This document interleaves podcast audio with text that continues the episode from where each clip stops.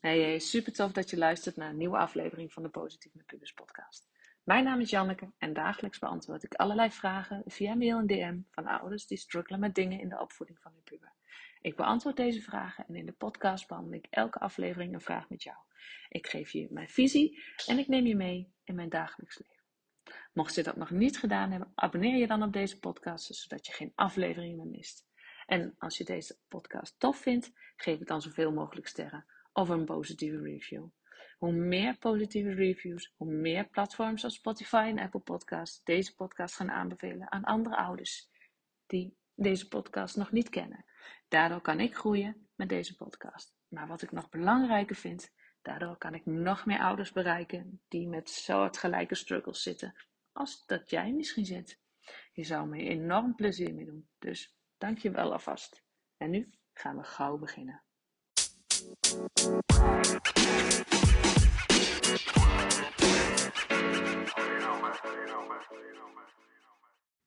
Hey, super tof dat je weer luistert. Ik, uh, ik kan het niet vaak genoeg zeggen, maar ik ben zo ontzettend dankbaar dat je elke keer afstemt op de Positieve Pubers podcast. Op mijn podcast, op mijn kindje. Want echt, door jou, doordat jij luistert, luisteren steeds meer mensen ook. Want omdat jij een, uh, een, review hebt afgelaten, een aantal sterren hebt en hopelijk heel veel sterren hebt achtergelaten, wordt de podcast zichtbaar bij mensen die de podcast nog niet kennen, waardoor het aantal groeit, waardoor ik mijn impact kan vergroten. En dat is waar ik het voor doe. Ik wil gewoon, of ik gun het gewoon elke ouder dat, de, dat ze de puberteit gaan zien. Net dat, dat, dat het niet zo altijd lastig hoeft te zijn. Dat het wat gemakkelijker is voor jezelf als ouder, maar zeker ook voor je puber. En dat is de, mijn grootste reden waarom ik doe wat ik doe. Dus dankjewel dat je luistert. Dankjewel dat je elke keer afstamt. En dankjewel dat je een review achtergelaten hebt. Heb je dat nog niet gedaan en je waardeert deze podcast? Laat dan vooral even een review achter. Hele kleine moeite, kost echt niet veel tijd. Maar je maakt mij er heel erg blij mee. Oké. Vandaag ga ik het met je hebben over een vraag die ik ontving van een moeder naar aanleiding van de story die ik plaatste. Nou, ik zal eerst de story even met je delen, zodat je een beetje context hebt. En daarna uh, de, reactie van moeder en de vraag van moeder. Nou, de story ging over een uitspraak over een strijd die jij weigert te voeren. Als jij dat niet doet, dan gaat het een strijd worden van jouw kinderen. Dus wanneer jij uh, de confrontatie niet aangaat met je niet helpende overtuigingen en de overtuiging uh, die jij weer van je ouders hebt gekregen en jouw ouders mogelijk weer van, jouw, van hun ouders. Als jij die overtuigingen niet gaat shiften, als jij die confrontatie niet aangaat, zou jouw puber deze confrontatie aan moeten gaan. En dit betekent wanneer jij bijvoorbeeld niet de confrontatie aangaat met jouw onzekerheden. Uh, en jouw ouders jou nooit geleerd hebben en jouw grootouders dat ook nooit gedaan hebben. Dan zal dat betekenen dat jouw zoon of jouw dochter deze confrontatie aan moet gaan met zichzelf.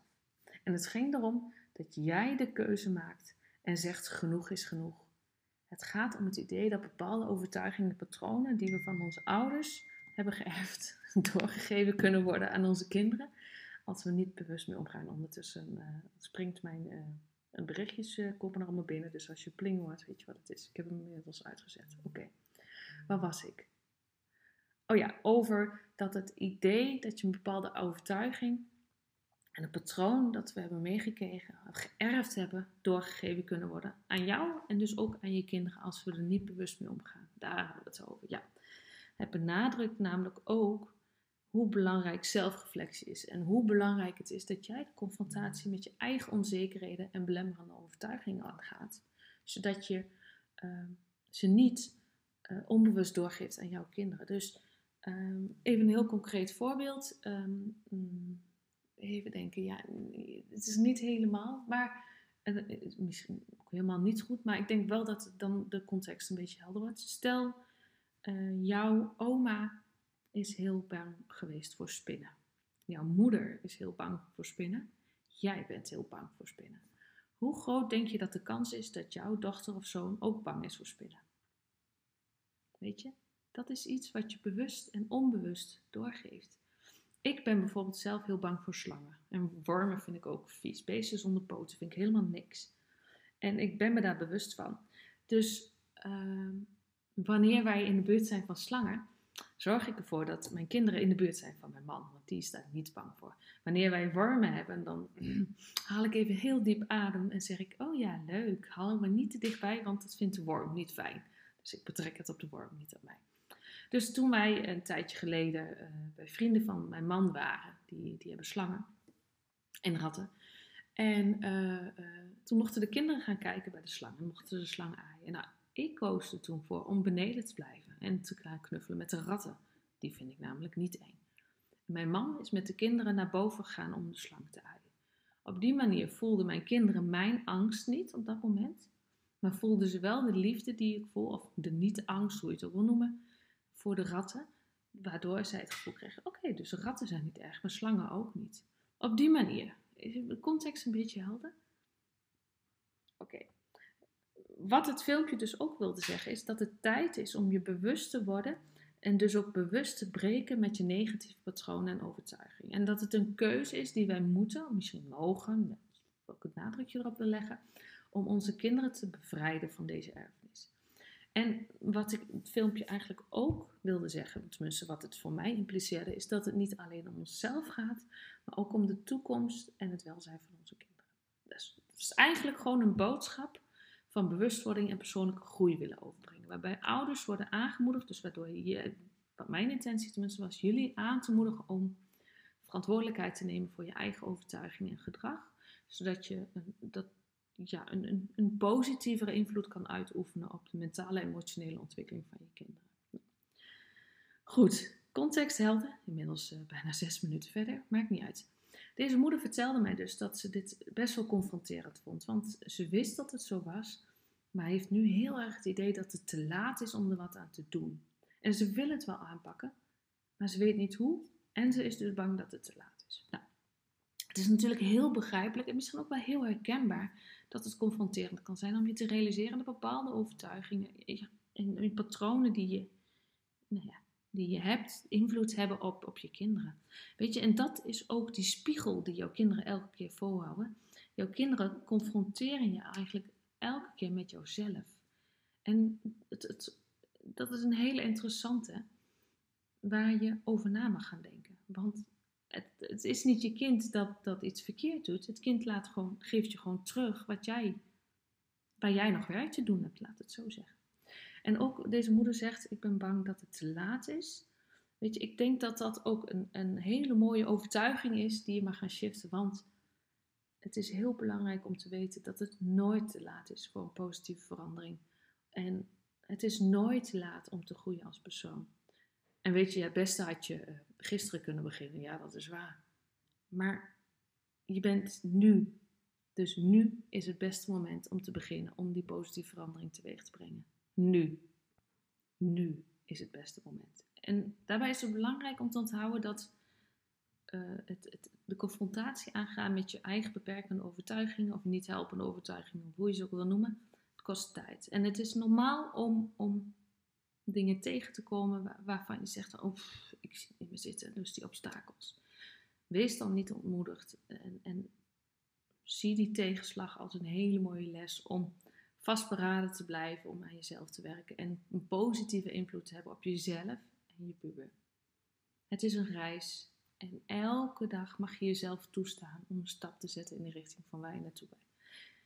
En daarbij, zoals ik al zei, het is nooit te laat. Het beste moment is om eergisteren of vorige week te beginnen. Daarna het beste moment is nu. En als het echt, echt te laat is, weet je wanneer het echt te laat is?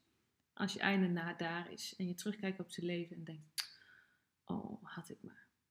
Oké, nou, dat dus. Voor deze moeder was het dus ook uh, dat stukje te laat. Dus ik hoop dat ik dat nu weggevaagd heb. Een hele mooie overtuigende, uh, niet helpende overtuiging natuurlijk, te laat, want het is nooit te laat. Die andere is, ze wist ook niet zo goed waar ze moest beginnen. Dus voor deze moeder en voor jou, als je ook in een vergelijkbare situatie bevindt, Ehm, wil ik een aantal stappen met je delen die ik uh, gebruikt heb om, uh, nou ja, eigenlijk om van mijn onzekerheid af te komen. Om te leren meer scheid te hebben aan wat anderen van mensen van mij vinden. Want dat is heel lang een overtuiging geweest die ik had. Van ik ben niet goed genoeg. Wat zullen mensen wel niet van mij denken? Dat. En nu echt werkelijk waar. Ik heb gewoon scheid aan wat iedereen vindt. Tuurlijk denk ik wel eens na over bepaalde opmerkingen die ik krijg. Maar echt of het me wat doet? Nee. En, en soms vind ik dat nog steeds heel raar. Maar meestal denk ik, oh wat heerlijk. Het doet me helemaal niks. Tuurlijk, als mensen waarvan ik hou iets tegen me zeggen, dan ga ik er wel over nadenken. En denken van, goh, maar waarom zeg jij dit? Maar dan ga ik ook nadenken, oké, ben jij, uh, uh, wat ben je ten opzichte van mij? Wie ben jij ten opzichte van mij? En wat is jouw expertise? Ligt jouw expertise daar?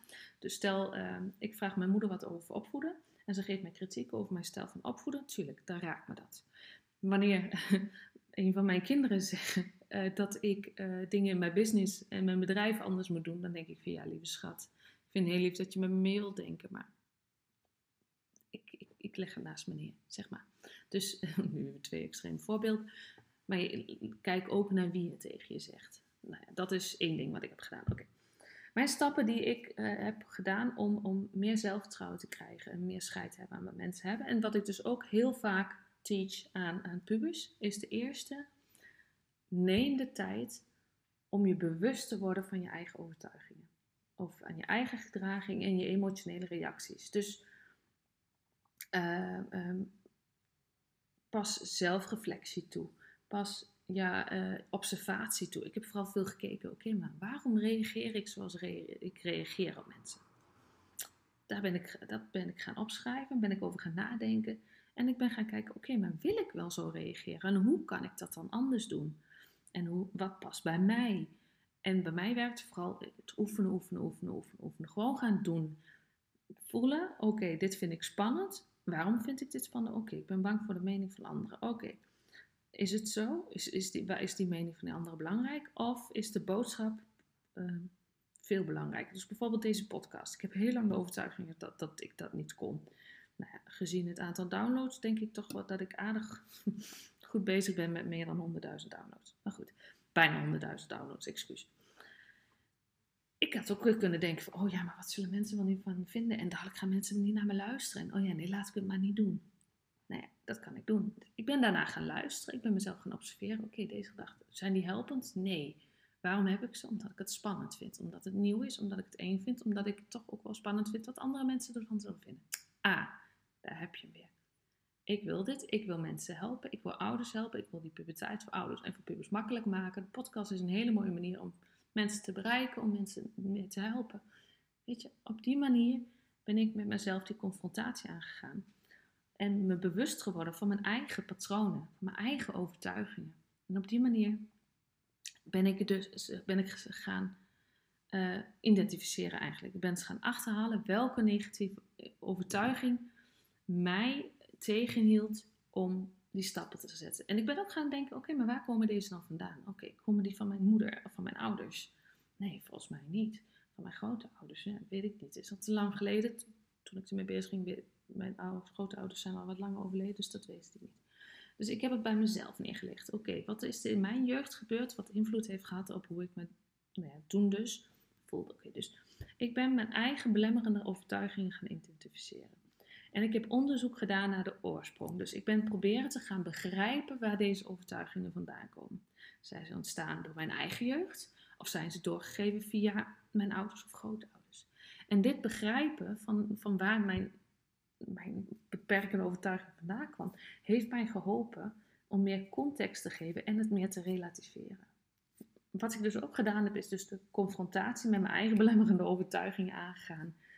En dit was niet gemakkelijk. dit is echt niet gemakkelijk. Dit heeft mij heel veel tijd, energie en tranen gekost. Dat, dat kan ik je meegeven. Maar het is wel heel essentieel om te groeien. Het is heel belangrijk voor mij geweest om tegen mezelf te zeggen: Janneke, ja, die gedachten en die gevoelens mogen er zijn. Maar dit is je doel, daar wil je naartoe. Wat is het ergste dat kan gebeuren? Die vraag heeft mij ook heel erg geholpen. En dat is ook een vraag die ik heel vaak gebruik in mijn coaching van pubers. Wat is het ergste dat kan gebeuren? En vaak valt het dan wel mee. En wat houdt je dan tegen om het dan niet te doen? Als je weet, dit is het ergste dat kan gebeuren. Waarom zou je het dan niet doen? Dus dat. Wat ik ook gedaan heb, is uh, mensen gevraagd om mij te helpen. Nou, ik heb al heel lang een relatie met de man waar ik nu mee getrouwd ben. Dit jaar uh, eh, 23 jaar. En samen hebben we dat pad ook bewandeld. Hij stond, uh, staat voor mij nog steeds als een Weet je, hij is heel duidelijk, hij is direct. En dat is echt wat ik nodig heb. Ik heb, ik heb iemand naast mij nodig die niet om de hete brei heen breidt. Daar kan ik niet zo tegen. Daar krijg ik de kriebels van. Dat ligt aan mij, dat weet ik. En hij is lekker duidelijk, dus daar hou ik van. Mijn moeder is ook heel duidelijk. Dus ik heb, ben mensen om mij heen gaan zoeken die mij die duidelijkheid konden verschaffen. Die eerlijk waren, die uh, wilden luisteren naar mijn gedachten en mijn gevoelens. En die mij feedback gaven op het proces. En ook eerlijke feedback en opbouwende feedback gaven. En ook zeiden van oké Janneke, en nu moet je er gewoon voor gaan.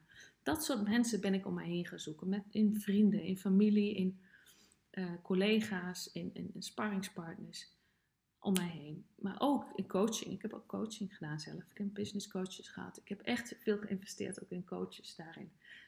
Dus ja, om zelf die stap te maken is het gewoon belangrijk ook om te investeren in professionele hulp. En weet je, daar lag bij mij ook een overtuiging. Misschien is dat iets voor een andere keer. Maar op die manier heb ik wel uh, dat proces kunnen versnellen. Dat proces van zelfontdekking en verandering. Toen ik dat helder had, ik ben de confrontatie met mezelf aangegaan. Ik ben constant dat gesprek in gedachten met mezelf aangegaan. Ik ben erover gaan praten. Ik heb van alles gedaan. Heb ik die oude overtuigingen vervangen voor nieuwe overtuigingen. Van dingen die ik wel kon geloven. Dus ik ben woorden gaan vervangen. Ik ben affirmaties gaan gebruiken van ik kan dit wel. Ik ben goed genoeg. En ik kan dit. En ik heb wat te doen hier op aarde. Nou, dat.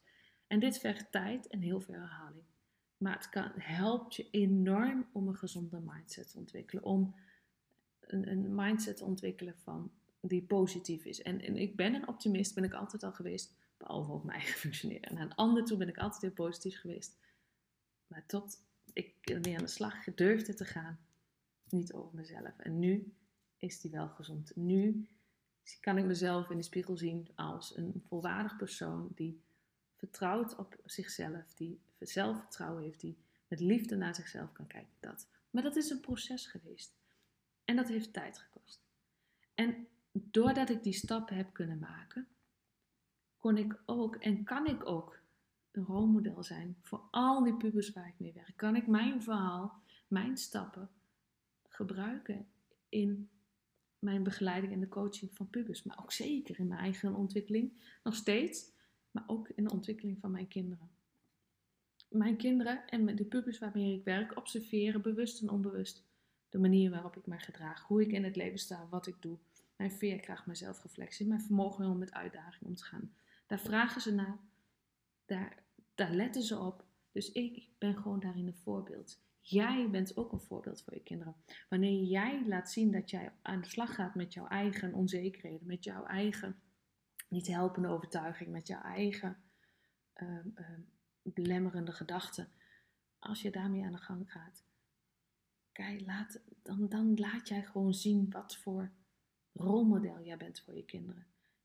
Je, je, laat zien wat, wat zelfreflectie is. Je laat zien wat veerkracht is. Je laat zien wat, dat je kan groeien. Maakt niet uit hoe je eruit ziet, wat je doet, waar je staat in het leven en hoe oud je bent of wat dan ook.